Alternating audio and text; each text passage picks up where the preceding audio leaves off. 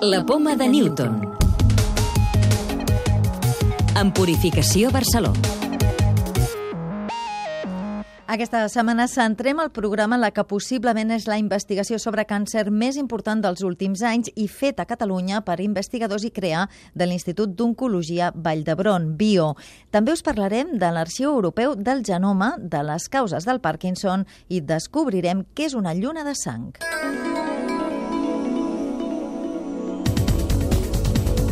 Científics del bio han desenvolupat una mini proteïna que és capaç de penetrar en les cèl·lules canceroses i arribar fins al nucli per inhibir un gen clau en el desenvolupament de qualsevol tipus de tumor, el gen MIC. El producte s'ha provat contra el tipus més agressiu de càncer de pulmó en assajos amb ratolins, cèl·lules i mostres de tumors humans i en tots els casos els tumors s'han reduït sense provocar efectes adversos a les cèl·lules sanes. Laura Sousek és la responsable de la investigació. En todos estos modelos experimentales, nuestra mini proteína para completamente el crecimiento tumoral y hace regredir los tumores a formas menos agresivas. No causa ningún efecto secundario y puede ser uh, utilizada también por mucho tiempo sin ningún efecto secundario hemos conseguido administrar esta mini proteína por vía sistémica en la sangre. Esto significa que se puede distribuir a todos los otros tejidos.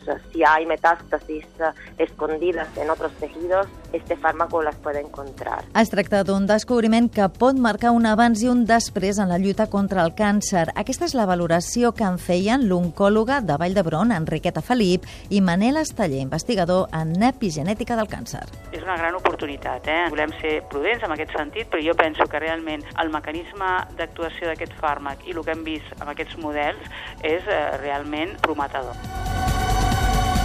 és un resultat molt bo, que suma punts en el sentit de que un dia pues, tindrem aquestes victòries de Lliga o de Champions. És un altre, un altre partit guanyat. El nou fàrmac ara està en fase de producció i es preveu que els assajos en pacients comencin a principis de l'any que ve. També ens fem ressò d'una recerca de l'Institut de Recerca Vall d'Hebron que podria haver trobat una de les causes de la malaltia de Parkinson. Han comprovat que l'acumulació excessiva de neuromelanina cerebral, la pigmentació fosca del cervell, provoca l'aparició de la patologia. Miquel Vila és el responsable de l'estudi.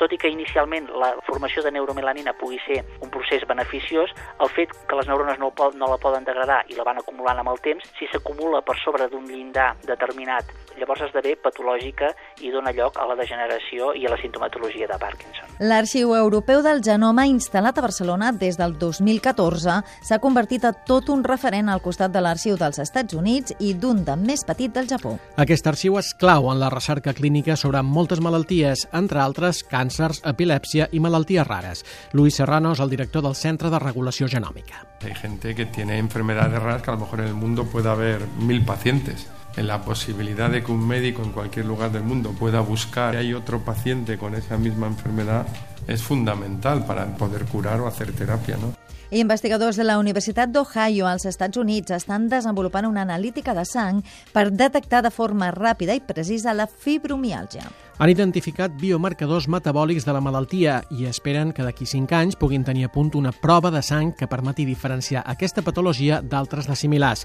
com l'artritis reumatoide o l'osteoartritis. La clau de volta. Per què algunes llunes plenes les anomenen de sang? Salvador Ribas, divulgador científic de l'Observatori del Montsac. La lluna de sang és el nom que en cultura popular s'utilitza doncs, sobretot molt el món anglosaxó per referir-se a qualsevol eclipsi de lluna, ja que eh, el que succeeix doncs, al moment que entra dintre l'ombra de la Terra doncs, es va enfosquint, però quan està completament tapada no desapareix del tot, sinó que agafa un to rogenc Recordeu que ja podeu descarregar-vos el podcast de la Poma de Newton o subscriure-us al programa per rebre'l directament als vostres dispositius.